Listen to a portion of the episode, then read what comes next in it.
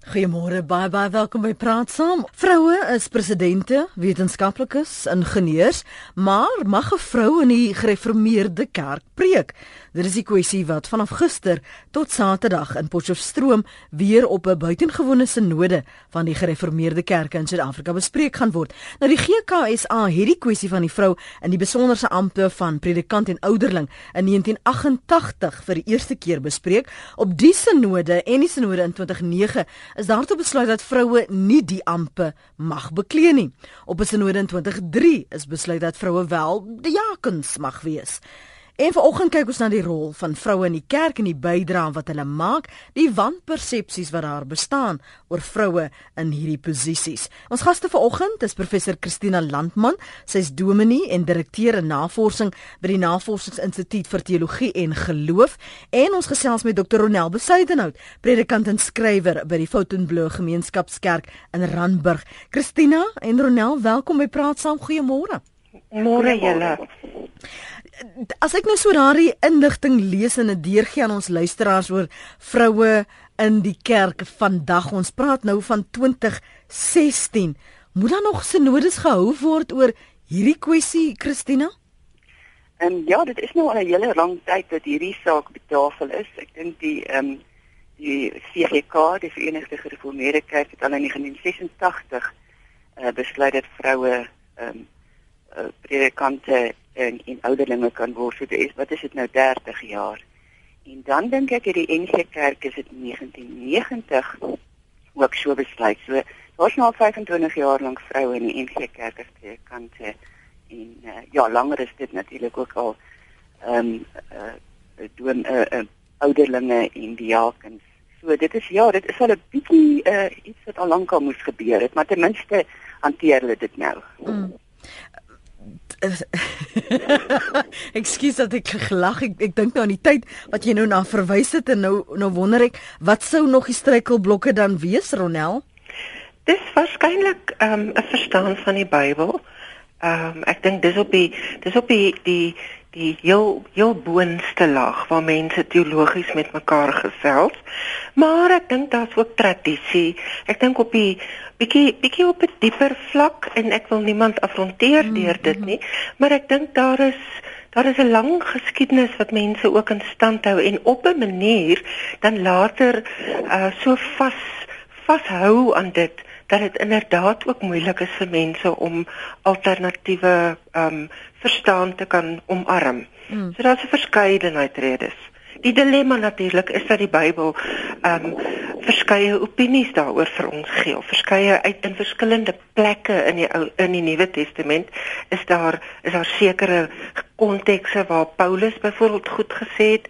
Ehm um, maar dit is baie baie selektief om net na een ding te kyk nie na 'n klomp verskillende aspekte te kyk nie. Ehm um, Dominique Cassie Oukam wat woordvoerder van die sinode sê die die vrou in die amp vandag in die kerk is is maar 'n klein administratiewe punt wat bespreek moet word. Is dit waarop dit neerkom dat dit maar 'n klein administratiewe punt is? En hoekom sou ons nou so lank vat om net 'n besluit daaroor te maak dat ons nou weer eksklusief net daaroor moet gesels. Kyk, die sinode is 'n baie kerkordelike gebeure. En vir 'n sinode om te sê kyk, ons het in die verlede so besluit geneem, ons die Bybel so geïnterpreteer, ons interpreteer die Bybel nou so, is nogal 'n kerkordelike truc wat baie versigtig hanteer moet word. En ek dink dis die grootste ding wat oorkom moet word. Dis om te sê, jy weet, net soos wat dit maar was met apartheid en al die dinge om te sê ons gaan nou 'n ander rigting inslaan. Ehm um, dit is vir die, die kerk moet dit baie versigtig hanteer om sy ehm um, geloofwaardigheid te behou. Maar op die oomblik is die situasie so dat as hulle dit nie hanteer nie, dan word nie 'n nuwe rigting ingeslaan nie. Gaan hulle baie gesig verloor. Dan gaan dit regtig gebeur dat uh, die mense sal sê maar jy weet die kerk uh, wil nie bybly nie. Die kerk wil vassit in ou patrone. Hmm. Ehm um, en dis soos Ronel daar sê, Ek dink ons het heeltemal goeie rede om te sê dat die Bybel ehm um, se basiese beginsel is dat ons almal gelyk is eh, en gelykwaardig is in God se oë. En dat daar daardie beginsel al ons besluite moet reël en dat die kerk nou die moed moet hê om dit te sê. Herinner ons net uh, Christina aan, aan wat die bekommernisse was destyds voordat die skuwe gemaak is byvoorbeeld in die VGK wat die oorwegings was want so dikwels is daar was daar mans wat gesê het maar ek sit nie onder die lering van 'n vrou nie. Um jy het ge, gehad waar mense vergelykings tref en skrif gebruik het om dit te substansieer. Ja, kyk in die NG Kerk het dit ook maar lank lank geneem om hierdie besluit te neem. Ek dink die eerste sinode waarop dit besluit waar 'n besluit is om die vroue kwessie in ag te neem was in 1966. En uiteindelik was dit ook maar amper 30 jaar voordat die besluit geneem is. En die rede was was juist daardie dinge wanneer die beroep sal nou sy status verloor as vroue nou ook predikante word. Dan gaan daar nou nie meer is uh, so en dan gaan die dominee nie meer daai gesag hê nie want 'n vrou het dit nou. Mm. Dit was een van die onuitgespreekte um, redes. En van die ander redes was natuurlik nou die Bybel gebruik en ek persoonlik dink dat um, Paulus daar verkeerd gewees het want Paulus het baie so met vroue gewerk. En as jy dan Romeine 16 kyk, het hy groet hy 17 vroue in Rome en 9 van hulle is vroue wat gesagsposisies het. Uh, maar daai tyd dink ek was gesag anders gesag was wat ons nou maar vandag noem ekskuus die Engels servant leader. Jy weet hulle was apostels hulle was diakens maar hulle was uh, servant leaders. En ek sou nogal bly wees as ons wanneer ons nou praat weer oor vroue in die kerk weer 'n bietjie in die algemeen dink. Wat is 'n wat is 'n servant leader? Dat 'n mens nie posisies in die kerk soek net ter net ter wille van jou posisies nie Hmm. En uh ja, dit was die een rede die Bybel dan nou en maar ek dink ons het dit nou al soveel keer uitgesorteer, maar ek kan my voorstel dat dit nou weer op die tafel gaan wees. Hmm. En kyk, uh, ek weet nou nie hoe lank jy wil hê ek moet praat nie. Die drie ehm um, tekste wat immer altyd staan is daar een van 1 Korintiërs 14 vers 5. 37 35 wat sê vroue moet swyg, die een in 1 Timoteus wat sê vroue sal gered word deur kinders te baar en sy moenie oor die manne heers nie. En natuurlik Efesiërs 5 vers 22 ehm um, wat sê vrou julle moet julle mans onderdanig wees. En uh, veral daar het ons kyk die een Korintiërs teks weet ons is 'n glos want in in in daai in in in in, die Korintiërs briewe is die vroue baie sterk. Jy weet, is die vroue sterk nie net sentral oorheersend is nie, maar dat hulle hulle posisie baie in die kerk baie ernstig opneem. En uh, ja, Efesiërs 5 vers 22 is 'n huishoudelike kode wat wat later ingevoeg is juis omdat die vroeë Christene baie probleme gekry het in die Romeinse ryk. Omdat daar in daai tyd in die Romeinse ryk baie sterk gevoel was dat vroue moet ehm um, weet dat gesinswaardes moet nou weer uh, na vore kom omdat die Romeinse ryk uh, baie daar was baie klandestiene uh, gedrag tussen die mense. En natuurlik 1 Timoteus. Die teks daar uh, weet ons Paulus kon dit nie geskryf het nie want die kerklike strukture wat in daardie brief voorkom kon nie in Paulus se tyd bestaan het nie. Maar die Paulus wat ons ken is die een wat saam met Priscilla gewerk het, Priscilla en Aquila, die een wat ehm um, hierdie vroue uh, erken in in Romeine 16 as sy voorgangers, as sy uh, voorgangers in die geloof, as die mense wat uh, voor hom die geloof neergelê het en vandag ja, as die vroue nie in in daardie tyd kerke gestig het, gemeentes gestig het, uh, wat ek liewer sê gemeentes gestig het nie, dan het ons nie Christendom gehad soos ons dit vandag het nie. Hmm. So uh, ek kan nie sien dat die Bybel nou meer tussen ons kan staan nou het ons al daai kennis het nie. Hoor jy? Lyk hoe Jesus vroue dan behandel het, jy weet hulle is sy volgelinge. Um, ja, maar nou het baie lank gepraat. Ek dink iemand anders moet net praat. Ronel, hou net so vas. Ek gaan nou vir jou kans gee om te praat. Anita is eers op die lyn in KwaZulu-Natal. Môre Anita. Goeiemôre Lenet en al jou gaste wat daar is. Ehm um, ek het van tevore ook was uh, was by die vorige sinode was dit ook 'n besprekingspunt geweest en ek het toe ook uh, gepraat ehm um, uh, wat ek toe daar gesê het dat ek self is in die gereformeerde kerk. Uh, by die vorige sinode was daar ehm um, was dit drie keer 'n stemming gedoen geweest waar daar gebid is en dan de gevra is om in leiding te gaan vir die die besluit en die stemming. En elke keer het dit uitgekom dat ehm um, die die oorgrootste meerderheid was dat daar nie vroue predikante in die gereformeerde kerk is nie. En ek ehm um, jy weet ja, ek hoor wat sê professor Landman, maar my standpunt is net jy weet daar word te veel verwag van die kerk om uh, vir die wêreld te draai en wat die wêreld wil hê en te min wat God en en die Bybel vir ons vra wat ons moet doen. En ek dink dat daar is uh, genoeg ander kerke waar 'n vroue predikante wel toegelaat is en dat dit nie nodig is om te krap waar dit nie juk nie. Ehm um, dit is soos met dieselfde met apartheid. Ons moet ophou om te krap waar dit nie juk nie en los die vroue uh die gereformeerde kerk uit wat besluit het dat vroue gaan nie in die ampt staan nie. Ehm um, en ek voel net dat hou uh dit dit bring elke keer hierdie dinge en dit bring op die voorgrond en dan maak dit 'n issue van 'n ding wat nie 'n issue moet wees nie. Ek kom terug na uh, daar is genoeg uh, plekke vir vroue om haar geloof uit te uit te leef en haar leiding te kan neem in sieningwerk en en uh, al daai uh, plekke waar waar dit regtig ook nodig is vir 'n vrou om wel 'n leiding te kan neem. Maar ek dink ons moet teruggaan na luister wat die Bybel sê, luister wat die kerkorde sê en ons hou daarby. Baie dankie vir julle uh, bydrae aan julle programme vandag. Waardeer dit. Dankie vir jou oproep Anita. Anita's daar in KwaZulu-Natal nou. Dalk wil jy uh, reageer en saamvat op wat Christ, uh, Christiana en dan nou um, Christina, ekskuus en uh, Anita gesê het. Ja, ja. Weet jy, ek het respek vir Anita se standpunt. Ehm um, wanneer mense praat oor die inspirasie van die Heilige Gees in 'n uh, sinode sitting en omdat hulle gebid het voor dit is dit die besluit wat geneem is.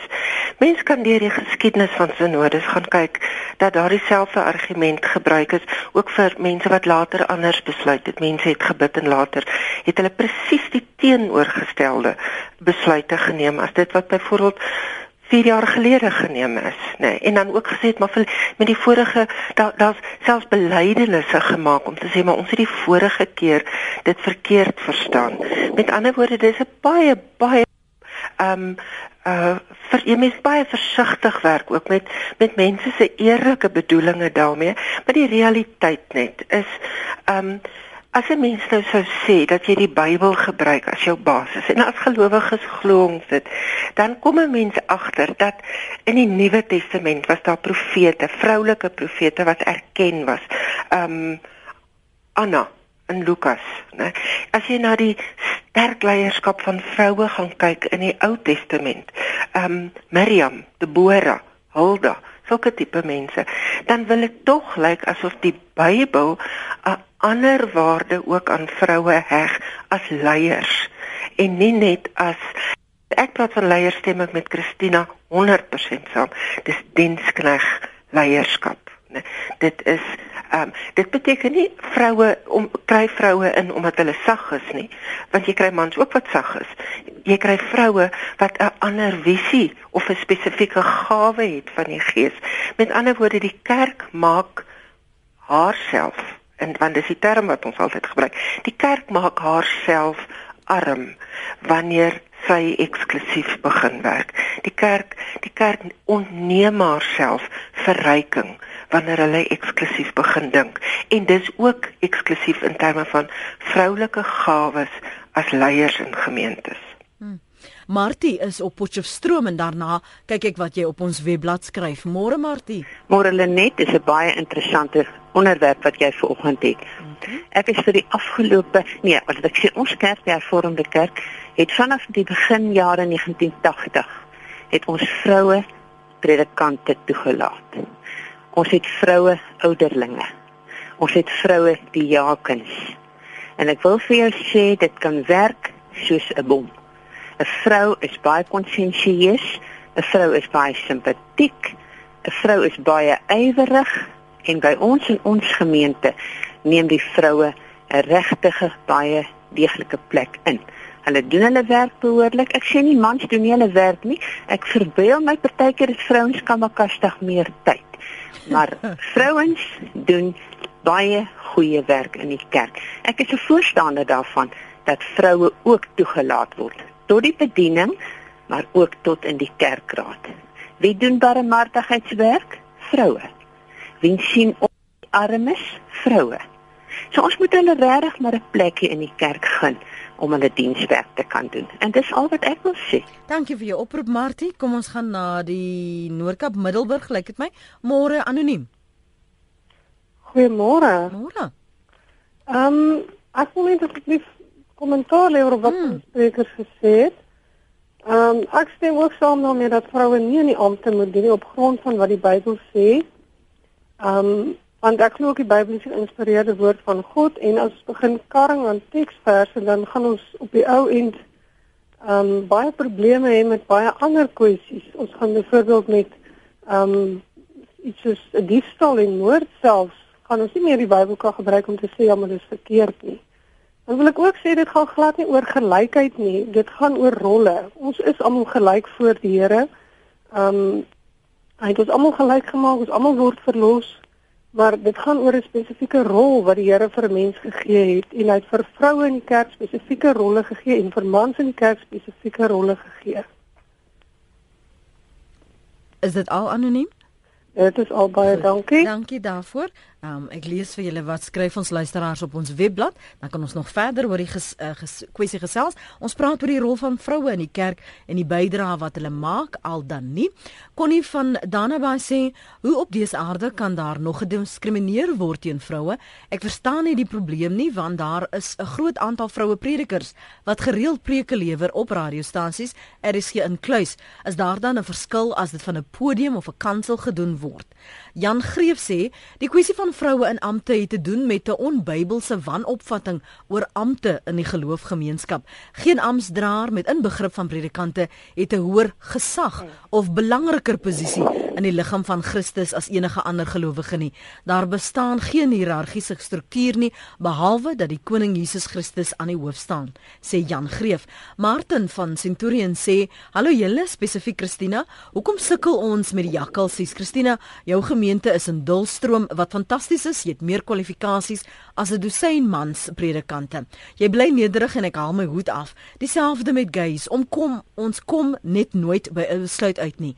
Ek is sommer moedeloos. Sterke Christina, ons moet koffie gaan drink en hierdie ding bedink en accountability vanaf ons kerk kry, sê Martin van Centurion. Pastoor Frans Boyse skryf: Daar is geen skrif wat 'n vrou verbied nie. Paulus in Bybel het gesê die vroue moet swag in gemeente seker swyg en swyg ja dis seker swyg wat gesien daarna verwys het en hy het met die korintiërs gepraat wat daai vroue se monde was los. As 'n vroue roeping het gee hulle regverdige kans. Hulle kan predikante word. Amen skryf pastoor Frans Boyse Henry Smit sê twee vroue as gaste en dan jy nog as 'n aanbieder kan daar 'n gebalanseerde gesprek gevoer word. Moenie bekommerd wees Henry ons kry later 'n man wel by. Dawie is ook 'n man en hy's op Brits. Môre Dawie Môre net baie dankie dat ek ook kan deelneem aan hierdie gesprek vanoggend. Ek wil net 'n punt maak. Ons leef in 'n wêreld wat wat besig is om verlore te gaan. Die woord leer ons van dat die die oes is groot en die arbeiders is min. Nou wil ons ons besig hou in die kerk met uh ek wil dit nie so agtergeere. As die Here 'n vrou gered het, wat maak haar dan nou minder bekwaam, minder geskik? Om mense te bedien. Maak nie saak op watter vlak in die koninkryk nie. Ek het eendag is ek gevra om 'n woord te bedien rondom Moederdag en ek het vir die Here gevra wat is dit wat ek vir die vroue kan sê?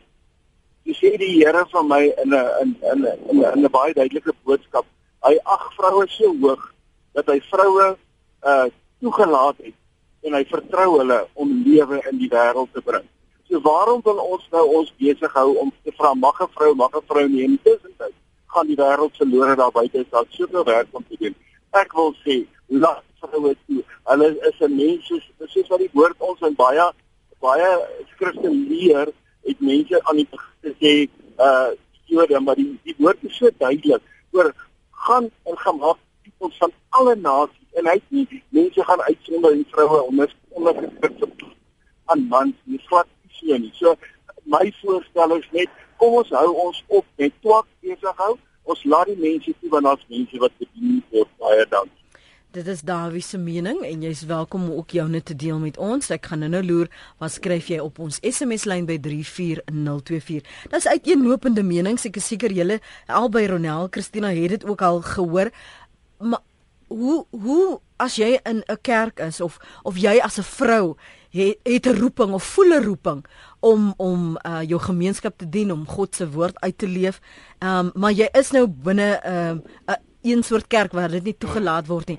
Uh, vir help my om te verstaan die frustrasies en en wat dit vir vroue beteken wat voel maar ek is net so goed of ek voel net so geroepe uh, en gelyk as 'n man.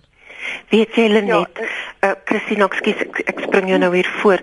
Maar weet jy hulle net, ek was 'n jong dogter. Ehm um, hier van van baie jonk af al in laerskooltyd wat ek 'n uh, um 'n 'n erns was daar iets in my wat my getrek het na na um na die bediening toe. Toe ek in die laerskool was kon ek nog nie 'n naam daarvoor gee nie. Later in my lewe het ek geweet ek wil 'n predikant word. En Ek was in 'n gemeente of ek was in 'n denominasie waar vroue op daardie stadium in die NG Kerk toe ek groot geword het nog nie 'n predikant kon gewees het nie. Ek kan onthou wel gelukkig het ek nie uit 'n pastorie uitgekom waar my pa dalk die predikant was en vir my gesê het ek is jammer, jy kan dit nie doen nie. Ek het uit 'n huis uitgekom waar my ouers my aangemoedig het en ons het om die waarheid gesê, nie geweet vroue kan nie teologie gaan studeer of kan nie predikante word nie.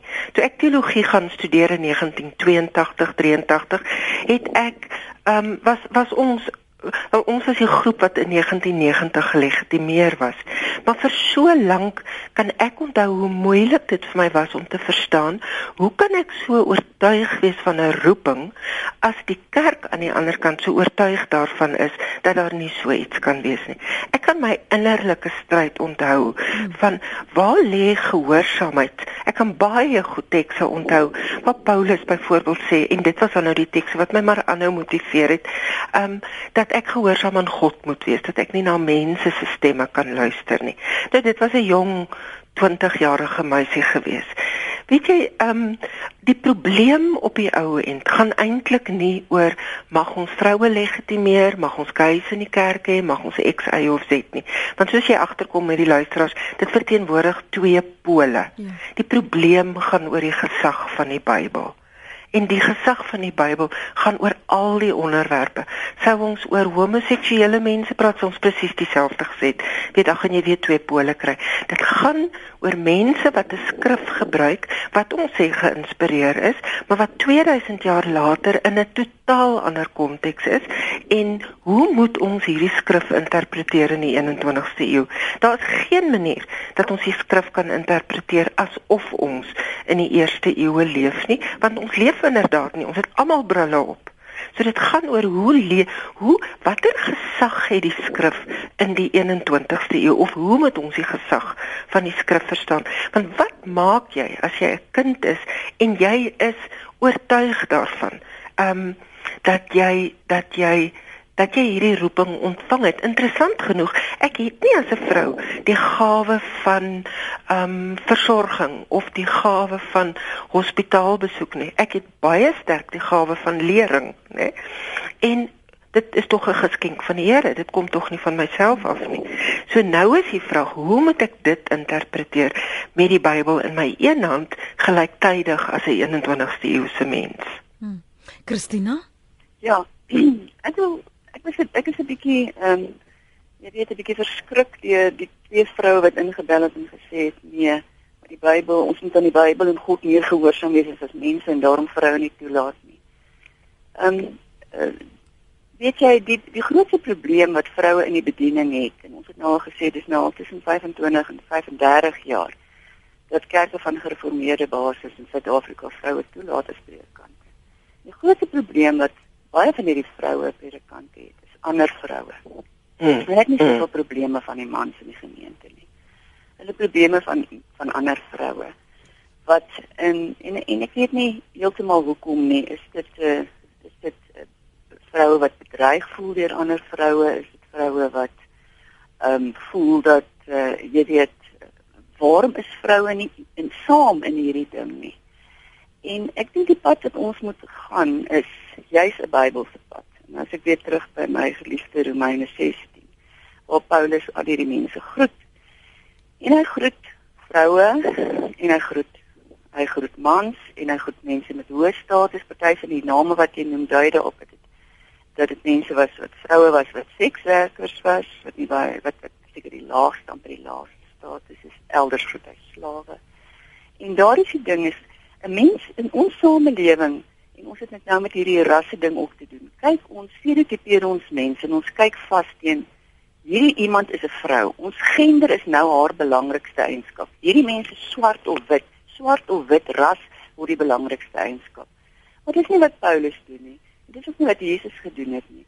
Sien jy as mense is meer as hulle gender, mense is meer as hulle ras, mm. mense is meer as hulle status in die samelewing. Dit is die Bybelse beginsel wat ons moet toepas dat ons mense nie in hierdie hokkies sit nie. Dat ons mekaar vrymaak om volgens ons talente die Here te dien. En dan het mense verskillende talente. In die ou dae is party mans gedwing om predikante te word wat nie daai talent gehad nie, nie regtig ook nie wou word nie, maar hy was nou die een in die familie wat dit moes word. En daarom dink ek is dit die Bybelse beginsel en ek kan dit heeltemal my kop op blok daarvoor sit dat Paulus, Jesus, baie mense dit neergesit het as 'n begin. Ons is waardig in God se oë almal. Ons is baie meer as ons gender. Ek weet nie waarom gender meer eers 'n besprekingspunt is nie. Mhm. Ek weet nie waarom ras eers meer 'n besprekingspunt is of seksuele oriëntasie nie. Ons het baie dinge, ons het baie talente, ons moet dit gee en dit word as 'n Bybelse beginsel erken. Dis 27 minute so pas uh, voor 9. Jy's ingeskakel op RSG. Dis praat saam met my Lenet Fransis. So pas geluister aan professor Christina Landman. Sy's dominee en direkteur in navorsing by die Navorsingsinstituut vir Teologie en Geloof. Ons ander gas is vanoggend Dr. Ronel Besuidenhout. Sy's predikant en skrywer by die Fontainebleau Gemeenskapskerk in Randburg. En ons praat oor die rol van vroue in die kerk en die bydrae wat hulle maak al dan nie. Dis na aanleiding en ek miskien vir mense wat laat ingeskakel het dit net uitwys. Ons bespreek nie nou die sinode en wat hulle die afgelope paar dae en tot Saterdag gaan bespreek nie. Ons praat oor die uitdaging uh, of die struikelblok miskien vir sommige wat in die kerk uh, heers en wat hulle bespreek en waaroor hulle voel hulle moet bid um, gegeewe die veranderende omstandighede. So ons kan hulle nie beïnvloed nie. Uh, dis beslis nie wat ons wil doen nie.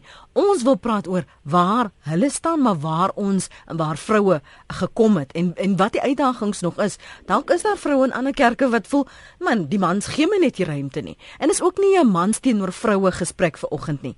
Ons wil kyk na waar teen staar mense vas as hulle praat oor vroue binne die kerk en in leierskapsposisies. En ek gaan nou-nou lees wat van julle hier skryf uiteenlopend soos ek gesê het, maar ek wil net graag vir Lukas kans gee want hy het gebel om saam te praat en dankie vir die ander Lukas môre. Môre Lenet, uh, môre die luisteraars. Ek wil net graag uh, een ding noem, 'n uh, paar dinge net vinnig. Uh, heel eerste is daar altyd politiek in 'n kerk.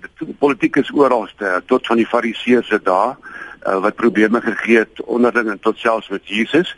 Ehm um, dit gaan vir my laat ek eers so sê oor oor RSG het ek die mooiste boodskappe gehoor. Maak nie saak of dit middernag is van 'n vroue prediker nie. En um, ek ek dink regtig veral as 'n mens van laerskool daar al af 'n uh, uh, roeping het. Dit is definitief 'n roeping. Nie enige gaan dit wil doen. Nie 'n vrou gaan dit wil doen om om geld te wil maak want 'n huishouding lê onder en sy's baie besig in hierdie beroep. Al wat ek wil sê is um, dit gaan vir my oor het hierdie mens 'n siel gered wat Jesus gesê het gaan uit en gaan kyk maak jy mos met mekaar en red siele. Nou ek kan u verseker en vir almal dat 'n vrou prediker het al baie baie siele gered en dit is waaroor dit vir my gaan. Het julle 'n siel gered en ek dink dit is eintlik maar die amper die bottom line van die storie. Uh, politiek moet ons uitlos uit hierdie proses uit en uh as iemand 'n talent het om die woord te kan verkondig en dis eintlik maar al dankie Lenet dat jy julle Dankie Lukas. Ekskuus. Ek, ek, Dis in ja. Goed, tot sins Lukas. Lukas is daar op Kempton Park. Kom ek lees wat uh, sê van julle op ons uh, eh, SMS lyn 34024 en uh, bly by my. Is nogal baie van dat ek net graag wil weer speel. Die manier wat vroue in die Bybel hanteer word, wys duidelik dat die Bybel deur mense met 'n sekere agtergrond geskryf is, nie deur hul God nie, skryf Wim. Wynand in Pretoria sê vrouens se versorgingsrol moet nie verwar word met leierskap nie.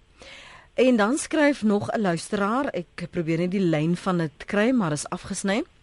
Die kerk is die enigste plek waar wit mans nog mag het. Daarom is daar nie plek vir sterk vroue nie, uh, skryf 'n gereformeerde lid.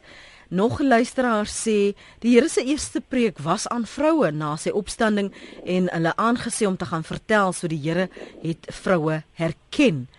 Dan skryf Marie op Klerksdorp. Sy sê sy's 'n siener um beveel God die vrou om te profeteer, die man beskerm hulle eer en klou aan 'n vers in die Bybel as rede. Ek dink sy verwys en sy sê dit hier Handelinge 2 vers 18. Nog 'n luisteraar sê ek wil net sê ons kan net vir ons Vader dankie sê dat daar ons in Maritzburg lekker reën gehad het en is nog nie klaar nie. 'n Doppervrou sê weer, die Dopperkerk raak elefant vir jong vroue en hulle verlaat die kerk. Ek is ook op pad. Ek hoor daar's 'n uh, ek weet nie wie nie, maar jy nou kans gee om daarop te reageer. Hou net so vas. En uh, dan sê uh, nog 'n luisteraar Ek is self in die GK Brooklyn Pretoria. Vroue hoort in die amp. Ek sal baie makliker probleme met 'n vroue dominee bespreek. My naam gee ook my standpunt weer en sy's Deborah.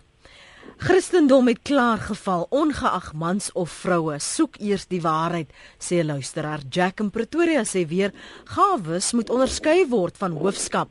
Elkeen mans en vroue en kinders het gawes, maar die man bly die hoof volgens God. Anoniem sê ek is 'n vrou van 'n predikant in die gereformeerde kerk. Dis tyd dat die sinode wakker word. Dis 'n klomp mans wat vasklou aan die verlede. Nog een sê ek is 'n voorstander van rolle reserveer vir mans. Sodra vroue die verantwoordelikhede begin oorneem, staan die mans terug en laat die vroue oorneem. Hulle is baie gemaklik. Die kerk in Brasilië is 'n voorbeeld waar die mans nie meer kerk toe gaan nie omdat hulle nie verantwoordelikhede het nie. En dan sê nog een my broer is in die bediening in Carltonville en pas naweek sonoggend met hulle konferensie bedien sy vrou die woord en lees nie die boodskappe van 'n laptop af nie. Uh, sy bid vir haar boodskap enige een wat nog wonder oor dit en en dat kan by haar gaan leer skryf Christa. En die wat 'n probleem het met 'n vrou in die bediening wil ek vra as die Heilige Gees in 'n vrou anders as in 'n man. Dis van die boodskappe op een, op ons SMS lyn en dis nik met 'n persoon te doen nie, maar die boodskap wat oorgedra word of dit nou 'n man of 'n vrou is, wat maak nie saak jy sê manie. Uh, was dit Christina? Was dit Ronel wat lyk like my kommentaar gehad het op die dopper? Dopper uit 'n uh, uh, toevlug wat vroue wat verlaat mans of jong vroue Ja, die jong en dat die dat die kerk um in die 21ste eeu uh irrelevant raak vir jong mense in die besonder, nê. Nee. En dit beteken nie dat die kerk die um weet moet buig agter die um die 21ste eeu se se sosiale veranderinge of kulturele veranderinge nie. Dit beteken dat die kerk dit moet leer verstaan en saam daarmee ehm um, iemand het gesê die waarheid moet probeer soek. Nou ek is onseker oor wat dit beteken ehm um, vir daardie persoon ten minste. Maar die punt is dat jy met in 'n belydensklas met 'n um, klomp graad 11 in die gereformeerde kerk sal dit 'n klomp graad 11 vir 16 jariges en daar sit jy met dogters en seuns en jy probeer hulle ook onder andere gereed maak om in die wêreld hier buite um na skool as gelowiges as deel van gemeentes um betrokke te kan wees. En en skielik kom 'n kerk en bly vir die dogter in die in die proses hè eintlik want dit is maar dis die realiteit hoe vroue dit ook kan interpreteer. Is eintlik as jy tweede rangs. God het sekere groepe uitgekies bo ander groepe. En in die in die ou tradisie tradisionele tyd van die Bybel was dit um vry wit mans. En dit die kultuur het intussen verander. Anoniem in Gauteng môre Ag goeiemôre. Ag hallo julle net. Hallo professor Landman. Ek het groot respek vir die vrou. Regtig, ek het sy op 'n stadium met ek 'n boek gelees van haar oor vroue in die Bybel wat ook geskrifte gemaak het en geskrifte geskryf het oor hulle verhouding met Jesus en so. En nie een van daai boeke is opgeneem in die Bybel nie. Die man, die Bybel is geskryf deur 'n klomp mans wat tipe van vroue en dit is hoekom ek word so vies as mense sê die die man is die hoof van die huis. Dis as omdat omdat ons nooit tipe van hoor van ons vroue in die Bybel nie en ek waardeer dit sodat hy daai boek geskryf het. Onheerlik was ek kan nou nie die boek onthou nie, maar dit is 'n dun boekie en ek sien die voorblad nog my dit is 'n pers en wit voorblad. En vir haar sê baie baie dankie want dit my die my oë in die algemeen oorgemaak, oopgemaak oor hoe ek my godsdienst sien en my my kind wees van God. Dankie. Baie dankie. Kan ek gou op my punt net vir jou vra Christina, die die die die impak wat die boekie gehad het, want vir baie sê ook maar ek het nie voorbeelde nie. Ons moet die Bybel volg en hier het jy half dit 'n uh, openbaring gemaak vir baie om te sê maar die vol die, die vrou destyds het 'n rol gespeel, was 'n uh, uh, um, effektief en en is net nie geken nie. En um, ek dink die boekie se naam is Nagstukke en dit is al in die vorige eeu geskrywe. En wat dit gedoen het, het nou soos wat mense dit was eintlik op daai stadium 'n parodie op die dagstukkie boekies wat wat vroue geskryf het. Mm. En hierdie nagstukke dan vrou uit die Bybel gevat en elke tweede verhaal was 'n vrou wat nie die Bybel gehaal het nie. Soos byvoorbeeld Tekla, die Handelinge van Tekla.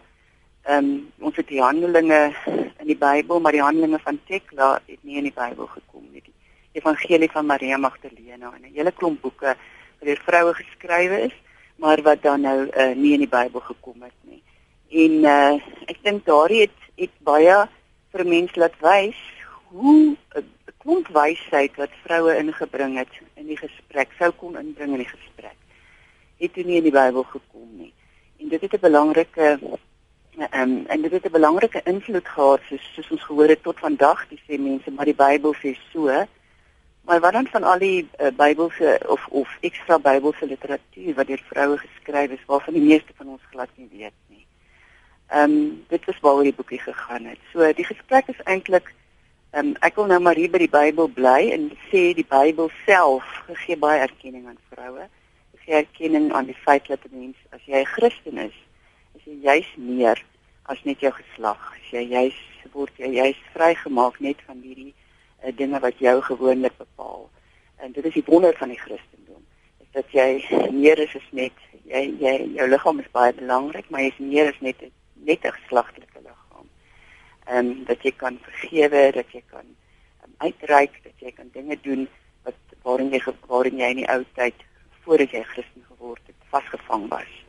En dis jy is die bevryding van die Christendom en dit is die wonder hoe die Christendom dan van 'n paar ehm um, disippels waarvan nie almal getrou was nie uh, in in 'n tyd toe uh, dit baie moeilik was om inligting te versprei. In in 'n kwessie van 300 jaar het die Christendom net die wêreld oorgevat en was teen hier 300 na Christus en 4de eeu na Christus was die helfte van die bekende wêreld was Christen en hoe dit gebeur. Dit is juis omdat die Christendom het gepraat met slawe met vroue met mense wat wat niks was nie wat niemand was nie hulle gesê maar julle is burgers in God se koninkryk en niemand anders behalwe 'n Romein 'n burger kon wees nie het mense burgers in God se koninkryk geword En dit is my eintlik wat die boekie wou sê en dis wat ek vandag nog sê.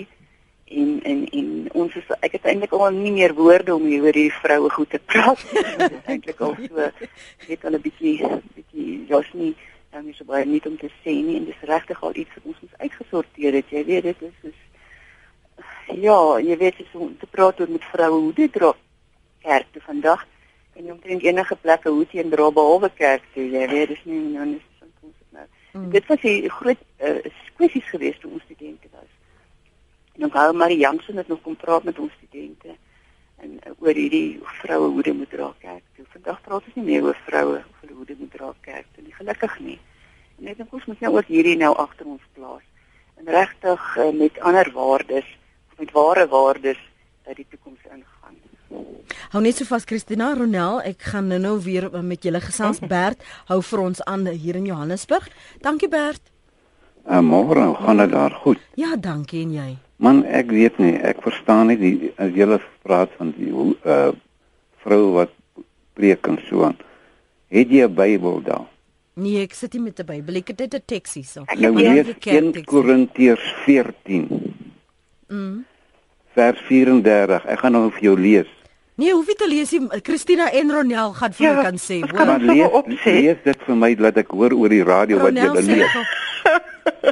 Ehm um, dis die gedeelte waar vroue moet stil bly. Ek gaan dit nou nie vir jou uit my ja, kop uit jy kan gemeente nie, en sy mag nie die gemeente Presies, sy mag nie die gemeente leer nie. Is dit die Nou wat wat dan dan die Bybel dan nie waar nie. Ehm um, Ja, nee, jy moet dit ook sê. Kyk oral want die Bybel sê dit vir julle uitdruklik. Julle vrou moet in eg gemeente swyg want dit is ja. hulle nie toegelaat om te spreek nie maar om onderdanig te wees soos die wet ook sê die wet maar as hulle iets wil leer laat hulle iets tuis hulle eie mans vra want dit is lelik vir 'n vrou om in 'n gemeente te spreek baie interessant dat daardie gedeelte Ja, ek lees dit dit sê ek was baie ek wil hou vas. Ronel praat gerus. Dit is baie interessant dat daardie gedeelte baie baie spesifiek praat van mans en vroue wat in 'n huwelik is waar die vrou met haar man moet praat en nie ehm um, dit gaan nie oor 'n riglyn in die algemeen vir vroue nie.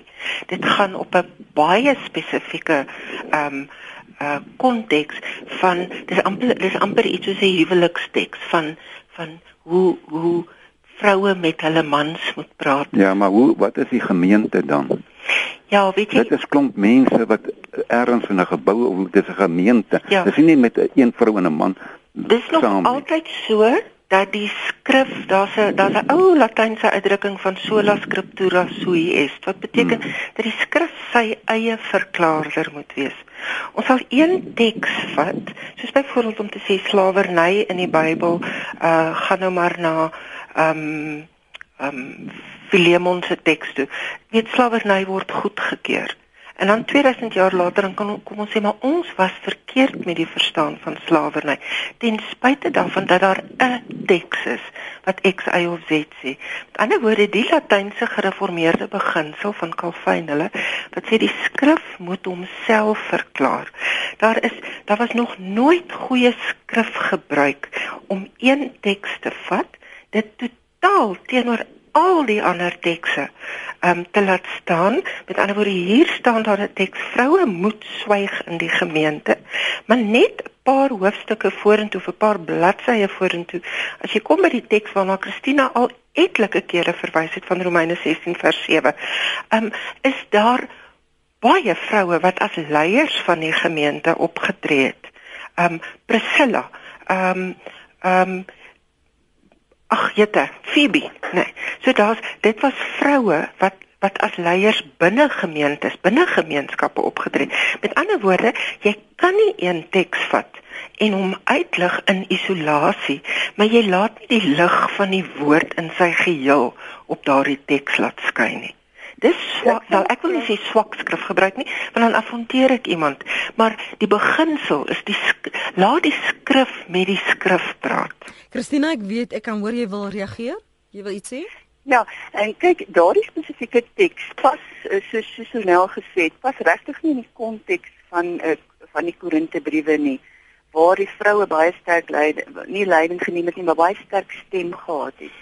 Wat gebeur het is ons beskou hierdie as 'n glos kyk die daardie in in in vroeë tye was dit tog nou nie ehm um, jy weet fotostaatmasjiene en so nie en die monnik het hierdie goed oorgeskryf. En een monnik het hierdie aan die kant van die van die teks kant van die manuskrip geskrywe.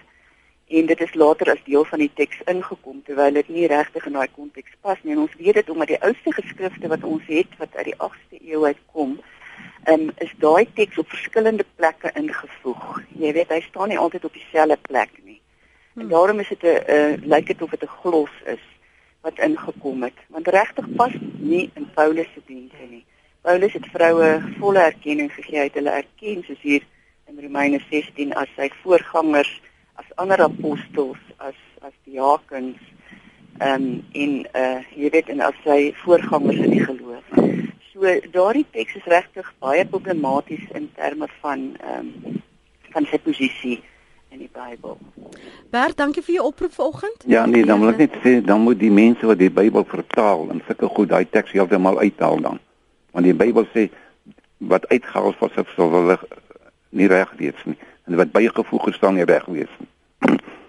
Ek wonder waar dan dan wil ek sê ek glo nie aan die Bybel nie. Want ek kan dit nie verstaan hoe die Bybel praat en dan praat hy so en dan praat hy so. Dan praat hy so en dan is hierdie mense wat die tekste so verander en uithaal en ander goed insit. Dit is 'n groot moeilikheid. Dis Bert daar in Johannesburg se mening. Ek lees nog wat skryf julle op ons e-poslyn.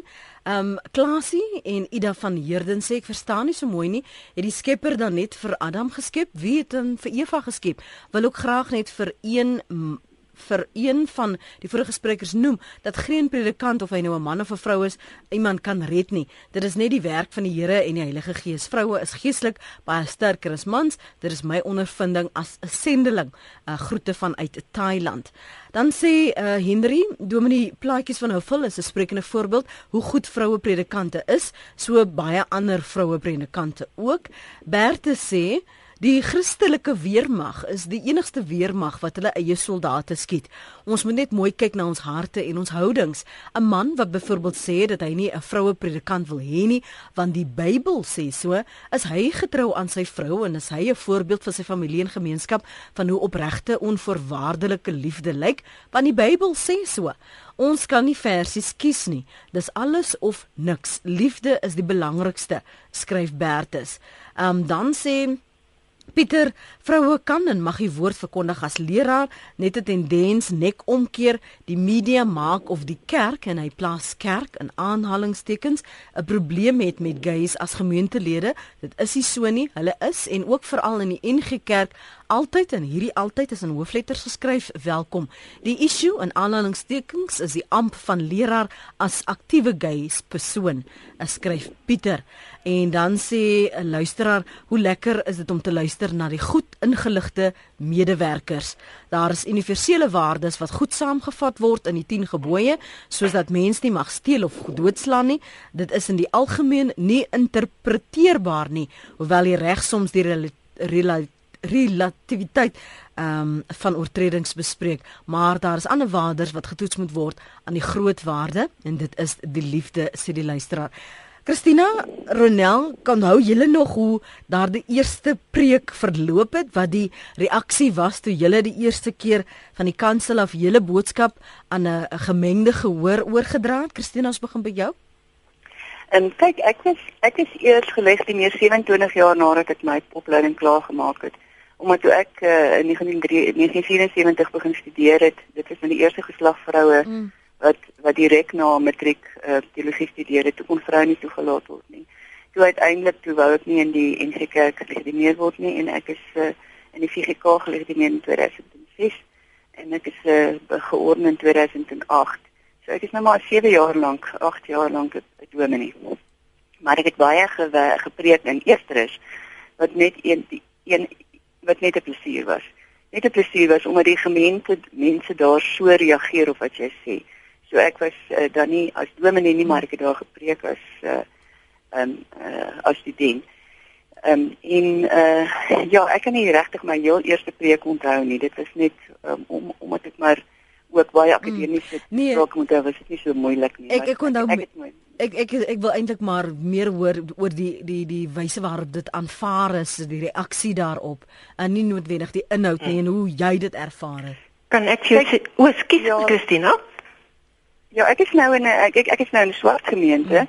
en ek ek uh, ons ons praat maar Afrikaans, Engels en Zulu terselfdertyd in die gemeente met met ook mense wat interpreteer na verskillende kante toe. En ek moet julle voor sê ek het nie ek het nie probleme van aanvaarding in die gemeente nie, hoegenaamd nie. En dit is uh uh regtig het ek nie. Dit is ehm um, ek dink die meeste vroue by die kant is as ek net nou gesê het, die probleme van ander vroue. Ehm um, maar vir my is dit uh, dis vir my baie lekker om 'n dominee te wees. Ek kan vir sê dit is ek hoop dat ek iets bereik, maar vir my is dit 'n uh, pure plesier om 'n dominee te wees. Ek wil dit graag wees solank ek kan. En van jou kant Ronel? Weet jy, ek het teologie gestudeer by die kerk, die NG Kerk. Vroue, ek was toegelaat om teologie te studeer, maar ons was eh, of ek wat in die klas was, was nie toegelaat om my prakties en dit was my eerste preek, my prakties in die NG Kerk te doen nie. Toe het ek my prakties in die Hervormde Kerk gedoen, wat heerlik was. Ek hoop my universiteit onthou dit, want mense moet maar die goeders ook ook onthou en nie vergeet nie. Die volgende jaar toe ek my prakties moes doen, want jy doen dit oor 2 jaar. Die volgende jaar toe ek my prakties doen, toe mag ek nie my prakties in die hervormde kerk doen nie, want dit weerspieël sleg op die NG Kerk. Toe moet ek my prakties in die hospitaal doen. Nou daai goeters was op daardie stadium seer hmm. want my klasmaats kon by die en nou sit ek woorde in aanhalings in die, by die topgemeentes in Suid-Afrika prakties gaan doen sodat hulle die beste praktiese ervaring kon kry. Ek was dit nie toegelaat nie. Vir baie lank was daardie goed pynlik. Hmm. Ek het wonderlike rolmodelle gehad, manlike rolmodelle en ook vroulike rolmodelle en dit sluit Christina in. Wat vir my omdat ons ons is die eerste 10 vroue in Suid-Afrika wat gelegitimeer was en wat toe nou proponente was in 1990. Maar as ek nou kyk na vandag, ek is vandag enkel predikant in 'n gemeente, ehm um, wat wat 'n groot gemeente is en ehm um, dis 'n gemeente waar mans en vroue is, waar kinders en ou mense is, né? En iemand het gesê wanneer vroue daar is dan versaak mans hulle verantwoordelikheid. Ehm um, wat nie waar is nie, want ek is alleen predikant in hierdie gemeente en ek kan sien hoe alle groeperinge ehm um, uh hulle werk het. Die die punt is dit sal waarskynlik die gemeente moet wees om te sê ehm um, hoe effektief, hoe gehoorsaam, hoe uh, getrou jy aan die skrif is ensovoorts, né? Mm. Ek kan enige vrou wat wat 'n teoloog wat 'n roeping het en wat oortuig daarvan is dat sy graag ehm um, teologie wil studeer, sy graag 'n predikant wil wees, sal ek aanmoedig. Ek sal soos Christina sê jy gaan teenstand kry selfs in die 21ste eeu, né? Nee. Ek moet vir julle altyd dankie sê vir julle tyd vanoggend hier op Praat saam. Dankie vir julle insette en insigte. Dis was professor Christina Landman en dokter Ronel Besuidenhout. En sterkte aan die GKSA met die belangrike besluite wat hulle moet maak.